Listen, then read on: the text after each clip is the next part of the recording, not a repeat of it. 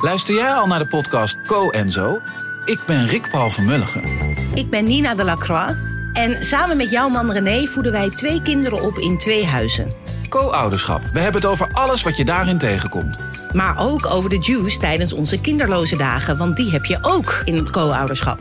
Een podcast voor alle ouders in alle vormen, maar ook voor alle mensen zonder kinderen. Zijn we eerlijk, heerlijk herkenbaar. Dus luister naar Co en Zo in je favoriete podcast-app. Leuk dat je luistert naar Boeken FM. Hou jij ook zo van gemak? Abonneer je dan op deze podcast, dan hoef je nooit meer een aflevering te missen. hey, en als je dan toch bezig bent, laat dan ook een recensie en een genereuze hoeveelheid sterren achter in je podcast-app. Dan kunnen andere luisteraars ons makkelijker vinden in hun podcast-apps en het geeft ons natuurlijk een goed gevoel van binnen. De leukste recensie wordt voorgelezen door Joost de Vries. Heb je een vraag of ben je onredelijk boos op ons? Stuur dan een mailtje naar boekenfm.dasmag.nl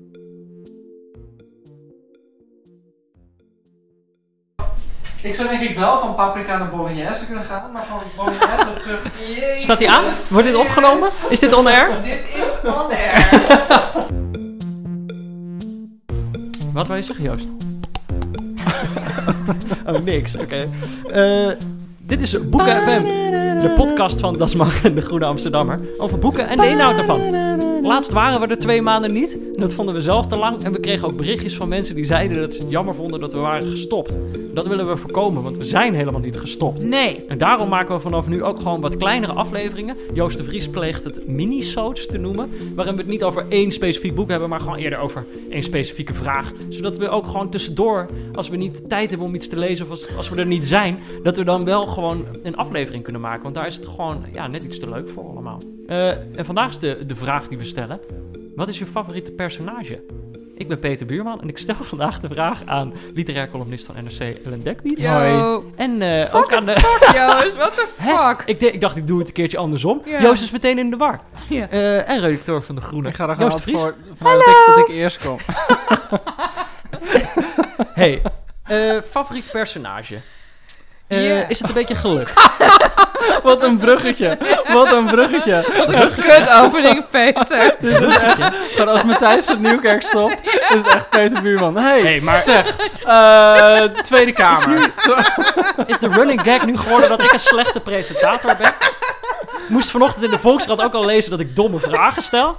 Ja, nou, maar terwijl de fuck, fuck vond ik heel flauw trouwens. Er bestaan helemaal geen domme vragen. Nee, maar het was Alleen meer- domme mensen. Ik durfde de domme vragen te Ja, stellen. dat soms. is Ja, nee, maar het dat- was eigenlijk een een grote backhanded compliment. Ja. Ehm hey, mijn favoriet personage. nou ja, maar we moeten het, hoezo bruggetje? Dit is toch gewoon waar de aflevering over gaat? Nee, ga je je er toch gewoon gelijk. meteen Je in. hebt gelijk, oké. Dus ik wil gewoon meteen, ik wil meteen weten. Ik vond het een lastige vraag, wil ik alvast zeggen. Waarom? Nou, Kijk, dat is een goede vraag. in, in eerste instantie, denk, en daar gaan, in eerste instantie, omdat ik merkte dat ik blijkbaar toch niet zo aan specifieke personages zeg, maar meer gewoon aan een verhaal. Of, en dat ik toch iets zie ik al gauw als een soort interessante vondst van een schrijver, in plaats van dat ik een personage zelf als mens in mijn hart sluit. En een ander ding is, kijk, favoriet is natuurlijk ook nog een beetje een, een sturend woord. Joost zei toen we hier binnenliepen al, is dat dan personage waarmee je het meest identificeert, eentje die je het leukste vindt, of is het gewoon iemand, ik bedoel, iemand die heel, weet je, waar je je niet mee kan identificeren, kan ook je favoriet zijn, omdat het gewoon een enorme lul is en je dat leuk vindt. Ja, ja. Maar goed, ik heb er, ik heb, ik heb er twee meegenomen.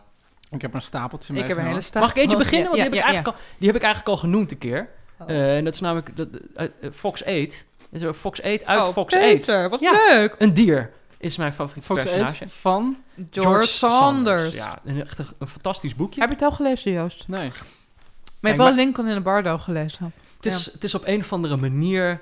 Het personage krijgt heel veel vorm door de, de specifieke taal waarin het geschreven wordt. Het gaat dus over een vos die onderaan, onder een raam bij een mensenhuis heeft staan luisteren... en zich op die manier de mensentaal eigen heeft gemaakt. En vervolgens een soort, ja, een soort verhaal of een soort brief aan de mensen heeft geschreven... waarin hij zich nou over bepaalde dingen opwindt, eh, zich bepaalde dingen afvraagt. Maar hij schrijft allemaal spelfouten, want hij schrijft dus alleen fonetisch. Eh, en daardoor krijgt hij zoveel... Wordt het echt een personage, een uniek personage. En het is op een of andere manier, die taalfoutjes zijn zo grappig.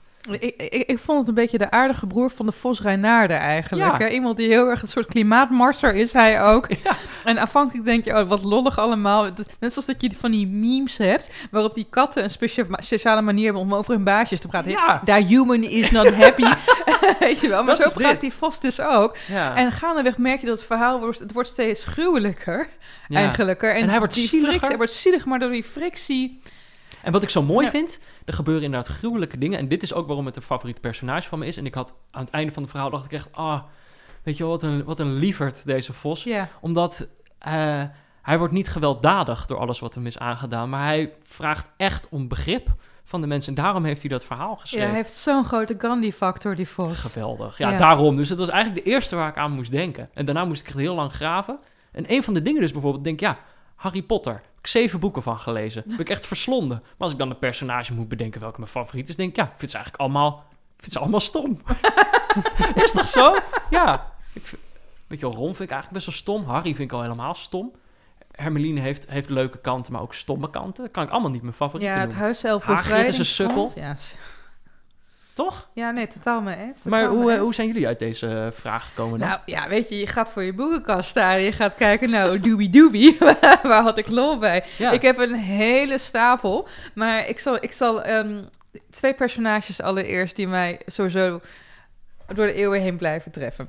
Waarom zeg ik dit eigenlijk? Mag dit eruit, Merel? Dat is Door de eeuw zin. heen. Door de eeuwen heen heb ik mijn leeftijd verraden. Daar heb ik Ah, helemaal ja. geen zin in. Is goed. Iedereen gaat ervan uit dat jij gewoon ergens een keer op een kruispunt je ziel heeft verkocht aan, aan een of andere duivel. Ik sta ook op de nachtwacht, wist je dat? Moet je straks even kijken. Straks als deze aflevering is... Oh nee, Google mij. dan zoomt hij uit. Pompey. Ik sta er met die aansteker bij die... een van mijn, wat ik een van de leukste personages eh, vind. En dat is dan echt een bijfiguur. Je hebt, op een gegeven moment heb je... En dit, ik, ik smokkel een klein beetje... Een graphic novel. Sandman van Neil Gaiman. Ik hoor nu alle ja. meeluisterende geeks. En helemaal... Mhm. Ja! Gaan. Op een gegeven moment heb jij dus... ehm worden, komen heel veel personages uit de Bijbel voor. Lucifer heeft een grote rol. Maar ook Eva van Adam. En ehm, Eva is in de, in de be- bewerking van Salmon... is het iemand die gewoon iedereen haat... en het liefst in een grot woont met haar lievelingsraaf. En ze wil niks meer te maken hebben met Kain en Abel. Dat vindt ze gewoon enorme sukkels. Ze schaamt zich echt heel erg voor dat nageslacht. En die twist aan dat personage... zorgt dat ik het personage extra waardeer... omdat het niet Hmm. strookt met de verwachtingen. En een van mijn andere lievelingspersonages... en de reden daarom hangt daarmee samen... Je hebt, ik heb het wel vaker hier... dat is een beetje mijn Rob van Essen, T.H. Mhm. White... Iedereen mag eentje hebben. Iedereen mag een Rob van Essen hebben. Nou, mijn Rob van Essen, dat wil zeggen, lieve luisteraars, lievelingsauteur is toch T.H. White van eh, Arthur, The Once and Future King. En op een gegeven moment beschrijft hij, hij hertelt daarin eigenlijk de verhalen van koning Arthur en de redders van de ronde tafel, maar op een hele eigen donkere manier. En op een gegeven moment beschrijft hij Lancelot. Nou, Lancelot is natuurlijk in de Arthur-legende altijd een beetje de held geweest. Weet je, ook een beetje de asshole, maar beste ridder, de sterkste ridder, knapste ridder. En bij eh T.H. White heeft hij de kop van een aap. Echt iedereen vindt hem om te kotsen, zo lelijk. En ehm, is hij zo perfect, zo goed in het verrichten van goede daden, dat je denkt van, nou, er moet iets achter zitten. En halverwege die roman blijkt dan ook dat hij van binnen een seriemoordenaar is. Dus als hij, als hij kinderen ziet, dan wil hij ze ophangen, binnenste buiten trekken, vrouwen verkrachten, wezen nog harder aanpakken dan het lot hen al heeft gedaan. En eh, op een gegeven moment zegt hij over zichzelf: Ja, ik ben alleen maar een goed mens, omdat ik van binnen ontzettend verdorven ben. En dat vond ik echt fantastisch. Daarmee sluit ik zo'n personage in je hart. Maar dit is dus ook inderdaad een personage waar jij je niet per se mee identificeert, hoop ik. Ehm, Toch, maar wat op een andere manier toch jouw fa- favoriet is geworden. Ja, ja, kijk, er zijn natuurlijk, kijk, je hebt natuurlijk, zeker voor een vrouw, er zijn genoeg, zeker als je opgroeit, zijn genoeg personages waarmee je kan identificeren. Lees Thea Beckmans, heb je Hasse Simons dochter, maar weet je wel, eh, Marije Wartels dochter uit Geef me de ruimte. Dat zijn dappere meiden, die willen wat in het leven. Ja, dat, dat kan, dat is leuk. Maar ik, leuker vind ik mensen die dus eh, in de knoop zitten, zoals Eva, die denkt, ja, die kutkinderen van mij, what the fuck. Mhm. En Lancelot. En eh, ik, ik heb nog een paar meer, maar ik wil eerst even Joost horen. Ja, ik wil ook Joost horen, die is verdacht stil. Ja, zegt niks meer. Nee. Ehm, Die denkt, ik laat ze er is een gaan. keer, ik ben even vergeten, volgens mij is Cynthia Ozik, die eh cultuurcritica van de New Yorker, die schreef een keer over eh, de films van Quentin Tarantino. Die zei, die gebruikte de term van het zijn hangout characters. Hm. Dus zei van, ben- je kijkt zo'n film en het maakt niet echt uit Ah, wat er ja. precies gebeurt. Maar je vindt het gewoon fijn om gewoon lekker bij die personages in de buurt te zijn. Ja. En, en dus al vraag je nou, wat zijn mijn lievelingspersonages? Dan moet ik altijd denken aan personages die je net zo lief gewoon boodschappen ziet doen... als dat je ze een of andere eh, grote episch verhaal mee ziet maken. Dus ik heb bijvoorbeeld heel erg met Nathan eh, Zuckerman uit... van de, de, de personage dat in meerdere boeken van Philip Roth terugkeert. Ik bedoel, je wil gewoon hem zien denken. En of je nou nadenkt over zijn omgeving, of zijn ouders, of zijn liefdesleven, of gewoon eh, hoe de post wordt bezorgd. Je vindt het gewoon fijn om bij hem in de buurt te zijn. Je hebt natuurlijk in, in Hilary Mantle's eh, Wolf Hall boeken. Oeh, daar heb daar weer gras voor mijn voeten aan het Ja, weg. ja, nee, maar gewoon Joost. Thomas Cromwell, alles dat je hem ziet doen is interessant. Of het nou dat je hem een of ander complot ziet opzetten, of gewoon met zijn kinderen ziet praten, of eh, hem mee ziet doen aan een boogschietwedstrijd. Je vindt het gewoon interessant en je bent gewoon benieuwd in hoe denkt hij, hoe doet hij, wat zegt hij, wat zegt hij niet. Maar Waar zit dat dan wa- in? Ja, Ja. wa- wa- waardoor Joost, volgens jou? Nou goed, kijk, eh, Thomas Cromwell eh, van, van Mental. Ik heb eigenlijk nog een ander personage van Mental, wat ik misschien ik ook. Oh, ik...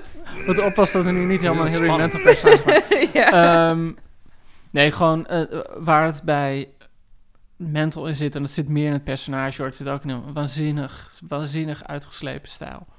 Maar dat toch een personage is dat de hele tijd niet laat zien, ook niet aan de lezer, wat hij nou precies denkt.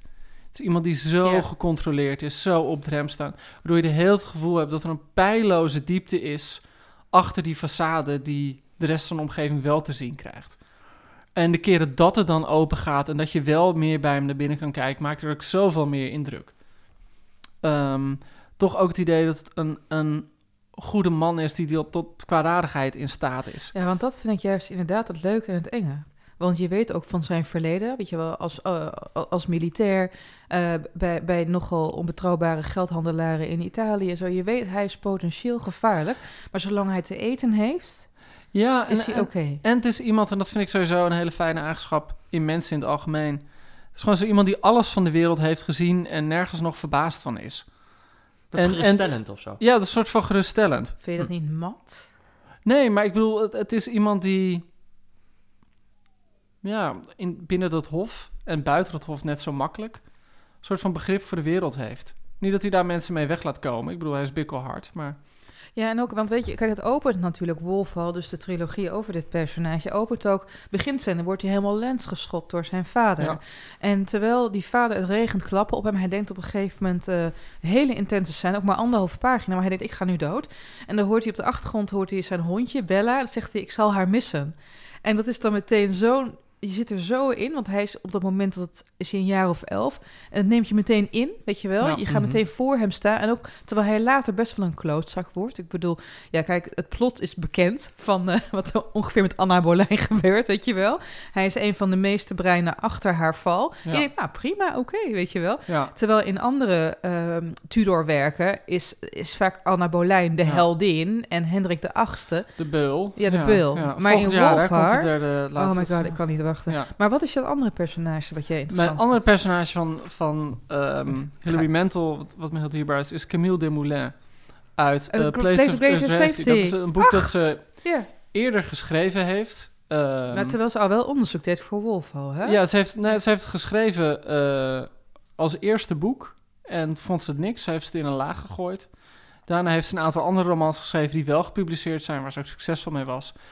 En toen werd ze een keer gevraagd in een interview van... Goh, heb je ook een mislukte eerste roman in je kast, eh, in je la liggen? En toen zei ze, ja, ik heb eigenlijk nog een mislukt boek liggen over de Franse revolutie. En toen belde haar uitgever er meteen op. Die zei van, hé, hey, laat het lezen. en dan, dan kom je bij het chockerende, dan kom je bij het, het chockerende feit dat als dit al een mislukt boek van Hilary Mantel Ja. is... Ja. En dat is dus een, een, een vuistdik boek. En dat gaat eigenlijk over drie vrienden in de Franse revolutie. Eh, Camille Desmoulins, eh, Danton en Robespierre. Ehm, die langzaam van elkaar vervreemden en elkaar ook op het hakblok leggen.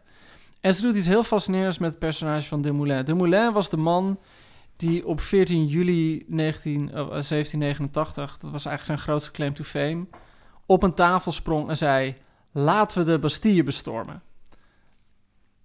En je kan je heel erg afvragen waarom volgden mensen hem op dat moment. En dat laat ze heel goed zien. Dat is heel bijzonder. Ze maakt namelijk een heel een onweerstaanbaar charmant personage van hem. En dat is heel fascinerend als je erover nadenkt van hoe schrijf je een charmant personage. Want charme is bijna iets dat impliciet is. Het, het zit in kleine Mhm. dingen, in een oogopslag, eh, in een armgebaar. En als je dat heel nadrukkelijk gaat beschrijven als auteur, dan is het bijna niet meer charmant, omdat het dan zo... Ja, hij was beschreven charmant. is. En daar zat ik heel over na te denken. Hoe, hoe krijgen ze dat voor elkaar? Dat heb ik teruggelezen. En waar het op neerkomt, is dat gewoon elke keer als hij een kamer binnenkomt... iedereen gewoon opviert van... ja, er is Camille! en iedereen is gek op hem. En, en eh, eigenlijk laat ze meer die liefde zien... dan dat, dat ze hem laat Hmm, zien. Ja. En daardoor krijg jij als lezer gewoon zo'n heel groot gevoel over hem. En hij is, wat, ik- wat fascinerend is, het is die Franse revolutie, eh, zeker Robespierre, iedereen wordt steeds steiler, iedereen wordt steeds agressiever. En je merkt dat hij het eigenlijk niet aan kan. En hij is eigenlijk te zachtaardig voor de wereld die hij zelf heeft geschapen. Dit is het cliché van de revolutie vreet zijn kinderen op. En hij is daar gewoon het voorbeeld van. Eh, en hij houdt gewoon wel van het leven. En hij houdt wel van zijn vrouw. En van nog een hele zooi andere vrouwen ook. Ja. En ehm, eh, net op het moment dat er een soort van soberheid eh, teweeg wordt gebracht en, en alles als, als decadent wordt afgezweerd en, en met afgezweerd ook echt op de guillotine belandt. En ehm, dat, dat vond ik echt, het, ik bedoel, dat boek bestaat dus uit die drie personages. Robespierre, die zeg maar de, de Spartaan is. Ja. En Danton, die een soort van de grote man is, de grote flamboyante orateur. En ik denk dat als, als dat boek alleen die twee personages had gewerkt, dat het misschien niet dat had gehad, dat het niet had Ja, gewerkt. Dumoulin is het en menselijke Du- aspect. Dumoulin is echt het Ja. fijne menselijke aspect ertussenin. Al moet Hm. ik wel zeggen, Joost, want eh, wat grappig, ik, ik vond het ook een fantastische trilogie. Maar wat ik ook heel goed vond, was de manier waarop zij Robespierre portretteerde. Want van hem is al- altijd gezegd door, door, door eh tijdgenoten van dit was de oncorrumpeerbare man, weet je wel. En ze weet dat zo overtuigend neer te zetten. Terwijl je ook het leed ziet dat hij met die discipline eigenlijk probeert weg te werken. totaal. de familie, weet je wel, het provinciale en zo. Nee, Heel bestraffend naar zichzelf. Heel Ja. bestraffend, maar ook wat, wat ik zo mooi vind, op een gegeven moment heb je dus volgens mij in dat eerste, dat is in Nederland is het in drie verschillende delen Ja. uitgebracht. Dan heb je een meisje waarvan je dan al weet dat ze laat op, aan de, op de guillotine zal eindigen. En dan kijkt ze naar de spiegel, maar de spiegel is zo hoog dat vanaf haar nek ze haar lichaam niet Ja, meer ziet. dat soort shit, weet je wel. Maar, maar mag ik hem even op aansluiten? Kijk, Absoluut. Hilary Mantel, ehm, mijn andere, of mijn derde waarschijnlijk al, eh, favoriete personage is een personage uit Wolf Hall. Eigenlijk zijn het er twee. Ehm, Hendrik de Achtste, daar hadden we het nog, net nog even over. Die is eigenlijk in heel veel films, toneelstukken, opera's, ehm, noem Mhm. maar op, boeken weggezet als de grote blauwbaard, hè, de enge vrouwenverslinder. Maar Hilary Mantel doet iets interessants met hem. Kijk, die boeken van haar draaien natuurlijk om Thomas Cromwell. Opeens gaat het niet meer over wat Henry, Anna Boleyn en zijn andere vijf vrouwen heeft aangedaan, maar om zijn verhouding tot andere mensen om hem heen. En hij en Thomas Cromwell hebben een aantal dingen met elkaar gemeen. Ze hebben beide een tyrannieke vader gehad, die dan al dood is. En ze, hebben, ze zitten ook momenteel op een punt in hun leven waarbij iedereen bij hen aan het strooplikken is. Dus je weet eigenlijk ooit of de genegenheid van Mhm. derden, tenzij het je dichtstbijzijnde familie is, oprecht is. En die twee vinden elkaar. En het, wat een bromance had kunnen zijn, loopt eigenlijk mis, omdat het machtsverschil zo enorm is. En op een gegeven moment schrijft ze iets heel erg fantastisch over hem. Dan, eh, dan, dan, dan, dan, dan Crom- Cromwell ziet de koning binnenkomen. En de koning heeft elke ochtend een moment dat hij nog even niet gezien wil worden. Wat haast onmogelijk is. Want in Mhm. zo'n Tudor-hofhouding ehm, is alles eh, vol etiket. Zelfs degene die hem het doekje aanreikt wanneer hij het privaat bezoekt. Maar dan zie je dus dat Hendrik, die gaat even naast een bediende zitten. Een jonge knaap. En zegt van, hé, hey, hoe gaat hij? En die knaap, wat heb je vannacht gedroomd? En dan gaan ze daarover praten. En dan denk je, wauw, het, het, voelt, het vormt zo'n mooi contrast met de veronderstelde hater. En een paar regels verderop lees je dit. En ik doe het in het Engels. You can be merry with a king, you can share a joke with him. But as Thomas More used to say, it's like sporting with a tamed lion. You tousle its mane and pull its ears, but all the time you're thinking, those claws, those claws, those claws. En dat is het dus precies. Hij Hm. blijft doodeng. Hij Ja, heeft ja, ja. ehm, op dit moment in de roman dan al een ongeluk gehad... waarvan later geschiedkundigen zeggen... hij, is op hij heeft een klap op zijn kop gehad door een toernooi. Hij daarna ook een beetje koekoe is geworden en zo. Dat is, dat is wel jammer als je, als je een eh, alleenstaand vorst bent. Ja. Mijn andere favoriete personage uit de Wolfhouse-serie is... op een gegeven moment heb je Jane Seymour, de derde vrouw van ja, Henry. ja, ja. In de geschiedenis is zij weg als de saaiste vrouw. Zij, zij bezorgde hem weliswaar de zo felbegeerde troonopvolger, maar ze was wel wat muizig. En in deze reeks wordt zij door haar familie naar voren geduwd van, ja, bind die koning aan je. Ze wordt neergezet als een heel saai, muizig personage. Een beetje, ja, juf Ank, maar dan, no- maar dan minder mondig uit de luistermoeder. En tegelijkertijd merk je dat ze de boel donders goed door heeft en iedereen een beetje belachelijk maakt. Door maar, door maar van die grote hertenogen op te zetten. Oh, ik snap het niet helemaal. Ja. En ehm, name drop. Ik sprak Mental een paar jaar geleden. en, en toen verklapte zij dat, dat ze de, dat grootste lol in, in het schrijven van onder andere Jane Seymour vormgeven was. En in een nieuwe roman, ik weet niet of die scène er nog in gaat zitten, dat zullen we volgend jaar hopelijk merken. Dan heb je een openingsscène zoals het er nu uitziet. En dan wil iedereen weten wat er op de huwelijksnacht is gebeurd tussen Jane Seymour en Hendrik VIII. En ze zei, ja, hij, hij vroeg zoiets raars. En de hele verhouding spitste oor van wat dan, wat dan. Ze denkt natuurlijk dat een koning een perverse idioot is. En uiteindelijk blijkt het dat hij voorstelde om de week erop even naar Dover te gaan, de krijtrots te bekijken. Nou, wat, ik Maar- heel, wat ik heel oh. mooi gedaan vind, ja, sorry, moeten we oppassen dat niet de hele podcast over Zullen we, zullen zijn. we Nee, een mental episode gaan Wat ik dus zo maken mooi ooit? vind Oh van, God, van, van Thomas Cromwell, en dat beschrijft ze heel goed, dat zij weet inderdaad, die Jane Seymour weet heel goed wat er aan de hand is. En hij is de enige die doorheeft dat ze het spel meespeelt. Ja. En er is zo'n hofhouding, en die vrouwelijke personages in die boek zijn geweldig. Iedereen loopt bij elkaar te roddelen en te steken en op hun eigen manier, op een eigen kleine manier macht uit te oefenen. Iedereen speelt het spel. Inderdaad, Anna Boleyn is een overtuigd, Jane Seymour is een dom kind. Iedereen vindt haar een dom kind. En, en Cromwell ziet als enige van wacht eens.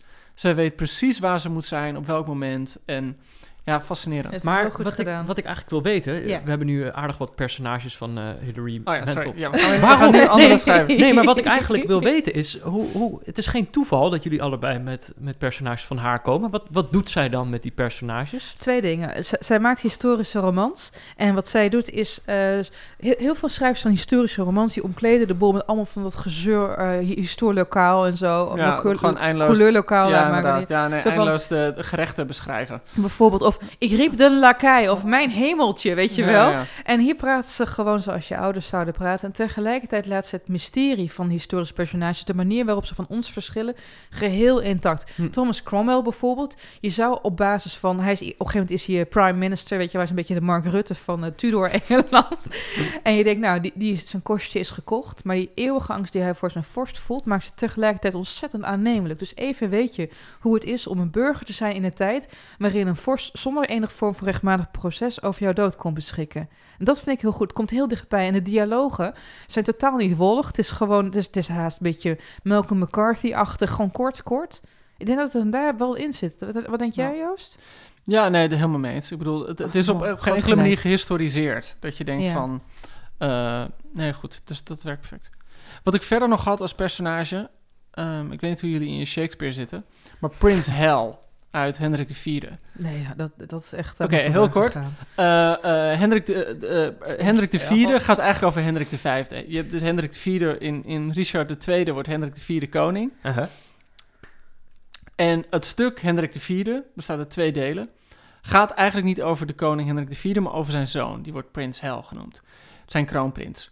En die zit met Falstaff, misschien kennen jullie wel. Mhm. De prins wil niet deugen. In plaats van dat hij keurig aan het hof zit en zijn lessen leert, zit hij in Eastern, hij, eh, of East Cheap heet het geloof ik, eh, zit hij in een herberg met hoeren te zuipen en mensen te beroven. En hij is beste vriend met Falstaff. Falstaff, the grey-bearded Satan. Ehm, de geweldige Falstaff, het misschien wel het mooiste personage van Shakespeare. Eh, een hele dikke reus van een vent, die eindeloos hypocriet is. Maar eindeloos grappig ook. En met iedereen lol heeft. En eigenlijk op een bepaalde manier in iedereen het beste naar boven haalt. Alsof Ja. je iedereen uitdaagt om nog grappiger te zijn. En hij is eindeloos hypocriet. En dat erkent hij ook van zichzelf. Prins Hel is ook heel hypocriet. En in die hypocrisie vinden ze elkaar. en er zitten een aantal geweldige scènes in, in die herberg. Er zit een van de mooiste scènes, de grappigste scène uit Shakespeare zit erin. Als Prins Hel en Falstaff een omste beurt de koning na gaan doen. En dan gaan ze, gaat dus eerst gaat, gaat Falstaff, nee, Falstaff speelt de prins en de prins speelt dan zijn vader, die Falstaff uitscheldt. En dat is geweldig. En ehm, eh, dat, dat, dat is een zeldzaam personage, Falstaff in ieder geval, is een zeldzaam personage dat Hij jaagt echt mensen de dood in. Hij berooft mensen. Hij liegt overal over. Hij is geen enkele vorm van eergevoel. Eh, het is een scheidlaars. Eh, en je vergeeft hem alles. Ja. En Prins Hal daarentegen is misschien wel een van de interessantste personages van Shakespeare. Omdat je hem ook niet kan vertrouwen op een andere manier. Namelijk dat je langzaam maar zeker doorkrijgt. Prins Hal, voor de goede orde, is dus Hendrik V. Als je Hendrik V hebt gezien, ja sorry, ik ga nu veel te lang over door. Is de voorbeeldige koning in Hendrik V. dat is de Oh, man bij Agincourt die voorop gaat in de strijd. En de St. Christmas Day speech houdt. Once more into the breach, dear friends. Dit is de man van we, we band of brothers, we few We happy few, we band of brothers. Gewoon de voorbeeldige koning. En in dat, in dat, dat deel daarvoor, Hendrik IV, zie je dus hoe hij eigenlijk misschien, want dat, is de interpretatie, je kan het op heel veel manieren lezen, zoiets heeft van als ik nu maar gewoon lang genoeg smerig ben, dan kan ik later heel publiekelijk Ah, mijn vieze kleren afwerpen en dan opeens iedereen van, oh, hij heeft zijn leven gebeterd. Ja, ja, ja. Dus eigenlijk pleegt hij door die, een soort masterzet door zich zo laag mogelijk te laten vallen, zodat hij zo hoog mogelijk kan uitkomen. Karakter zelfmoord ten bate van het eigen ja, karakter. d- dat is het inderdaad. Maar Ja. wat grappig. Ja, ik, ik dacht, ik bedoel, ik, ik, ik vond tot dusver Caliban uit de Tempest, weet je wel, die, die Ja, ja, vis tuurlijk, eruit en ja, door ja. iedereen wordt gedist. Ja. Maar dat ga ik vanavond lezen. Henry IV. Mag Ja, ik er nog één, mag ja. ik nog Ja, één personage doen? Tuurlijk, tuurlijk. Ik moet, we- ik, moet, ik moet nog een laatste personage ook doen. Oké. Peter. Eh, ik had, ik had eh, Doe Adam. Gordon uit eh, Leaving the Oh, Atocha ja, Station helemaal. Van Ben Lerner. Oh god, ja, ja, ja, Eh, gadver. Maar het is, Ja. ja, gadver. Ja, dat is het dus een beetje. Ik vind jou wel echt een Adam Gordon uitgaan. Ik niet- Nee, willen. Maar een enorme neuro. Oké, maar het is dus uit... Kijk, door, door bepaalde scènes die je volledig bijblijven... kan een personage ook gewoon... Je hebt iets meegemaakt met diegene... wat je niet meer vergeet. Of je hebt... Zo'n schrijver weet iets heel typerends op te schrijven... waardoor je denkt... oh ja, ik kan hem precies typeren door deze ene scène. Maar het begint al met een... begint sowieso gewoon met een scène. Hij is een dichter die in Madrid is voor een soort residentie... en wil een soort groot gedicht Ja, schrijven over. Spanje. Ja. En dan, hij begint gewoon met dat hij koffie zet, een joint draait en even gaat douchen. En daarna gewoon eh, gaat blowen en koffie drinken. Dat is eigenlijk ook wat hij de hele tijd doet. Maar hij gaat ook naar het museum. En dan heeft hij het over in het museum. Daar zijn allemaal Ja, mensen ja. die hebben een profound experience of art. En daar praat hij dan een beetje zo. Het is een, het is een ik-verteller volgens mij. Die dan een beetje zo over praat. Van ja, daar heb je al die mensen die dat. Die dan zo interessant staan te doen. Maar ze voelen het niet zo als ik het voel. En hij heeft één specifieke schilderij waar hij altijd naartoe gaat. Dan zegt hij daar. Weet je wel, mensen kantelen meestal hun hoofd om te laten zien dat ze een profound experience of art hebben. Maar ik voel het van binnen. Maar dan komt hij bij zijn favoriete schilderij. En dan staat daar iemand anders. Daar staat een vrouw. En die staat echt tranen met tuiten te huilen. En dan hij denkt, wat de fuck is dit? Dus je hebt een soort gast, een, blo een blowende dichter... die eigenlijk helemaal niet aan het dichten is... eh, die zichzelf heel interessant vindt. Enorme snop. Inderdaad ook een neuroot. Lul naar heel- zijn ouders toe. Gaat heel veel wijn drinken. En dan gaat hij domme dingen zeggen tegen, tegen een vrouw waar hij achterna zit of zo. En het is gewoon... Je leert zo'n gast echt kennen. Je lacht om hoe ontzettend stom hij is. Maar tegelijkertijd herken je ook een beetje zo van... Ja, het is gewoon een snop. En tegelijkertijd gewoon een enorme sukkel... die helemaal niet Wat doet ik, wat hij moet doen. Namelijk dat gedicht schrijven. wat ik heel mooi vind, is dat hij dan... Hij, hij volgt ook Spaanse les. Ja. En eh, hij loopt de hele tijd te zeggen... ik spreek geen Spaans, ik spreek geen Spaans, ik spreek de taal niet, ik begrijp het niet. En op een gegeven moment, aan het einde van het boek, wordt er door een meisje op afgesproken... en die zegt, hou nou op, je spreekt de taal prima, je begrijpt alles. En eh, het is iemand die zich de hele tijd verstopt achter een soort van airbag van ironie... En ik bedoel, daar gaat het boek ook natuurlijk heel erg over. Dat uiteindelijk trekt ze hem echt op van hou nou op, alsof je niet weet wat, welke betekenis de woorden hebben. Je, je hebt zelf de betekenis. Ja, Ja, ja heel heel bijzonder boek. fantastisch. Nog Ja. één personage en dan gaan we Ja, stoppen. maar ik zie Merel echt al helemaal gewoon haar rug krommen van ellende. Het is ook een Ja, ja. Merel is de, de rugzak aan het pakken ja, en zo. ja, En, ja. eh, Maar het is een Het is hou een het heel kort. Eh, ehm, eh, Job van Joseph Roth, dus niet Philip Roth. Eh, dat gaat over een, eh, over een man, eh, hoofdpersoon heet Mendel, is een Jood in een, in een, in een sneu Russisch dorpje. Ze emigreren, alles gaat mis. Maar hij heeft een dochter die zo onvergetelijk is. Die dochter die is een jaar of 17, bloedmooi, heeft het libido van een bonobo. Ze wil eigenlijk alleen maar neuken, maar ja, de oorlog komt eraan, dus het wordt allemaal moeilijk, moeilijk. En op een gegeven moment, binnen anderhalf hoofdstuk, is zij helemaal de baas van het gezin en bepaalt zij precies de koers die ze varen. En dus waar, het is- niet alleen het personage, ze is een ergere terrortiener dan, nou ja, goed, Holden Caulfield en Draco Malfield bij elkaar. Maar je houdt van haar, je hebt sympathie voor haar. En eh, er staan zinnen over haar in. En ik doe één zin en dan, dan hou ik echt op met praten. Bijvoorbeeld, haar reuk had een eigen geheugen en onthield onafgebroken met een tergende trouw de geur van brandewijn, mannenzweet en jachtleer. Lekker Heerlijk. hoor. Top. Op. Nou, daar sluiten we mee af. Mannenzweet, jachtleer, brandewijn. Eh, Een Gerbrand Bakker roman. dit was een... eh, Dit was een mini-soot van Boeken FM, de podcast van Das Mag en de Groene Amsterdammer over boeken en de inhoud ervan. Eh dankjewel Joost, dankjewel Ellen. Jongens, en eh, mail ons. Hè. Wat zijn jullie favoriete personages en waarom? En heb je een goede vraag of denk je, nou, hier wil ik een mini-soot over? Ja, Schroom niet. eh boekenfm.dasmag.nl. Kan je mailen. Dat kan. En eh, we- ja, ik bedoel, we hadden hier nog uren over door kunnen praten, maar het blijft een mini-soot, dus dan moet kort zijn. Eh, dus, eh, nou ja, we houden het hierbij. Tot de volgende.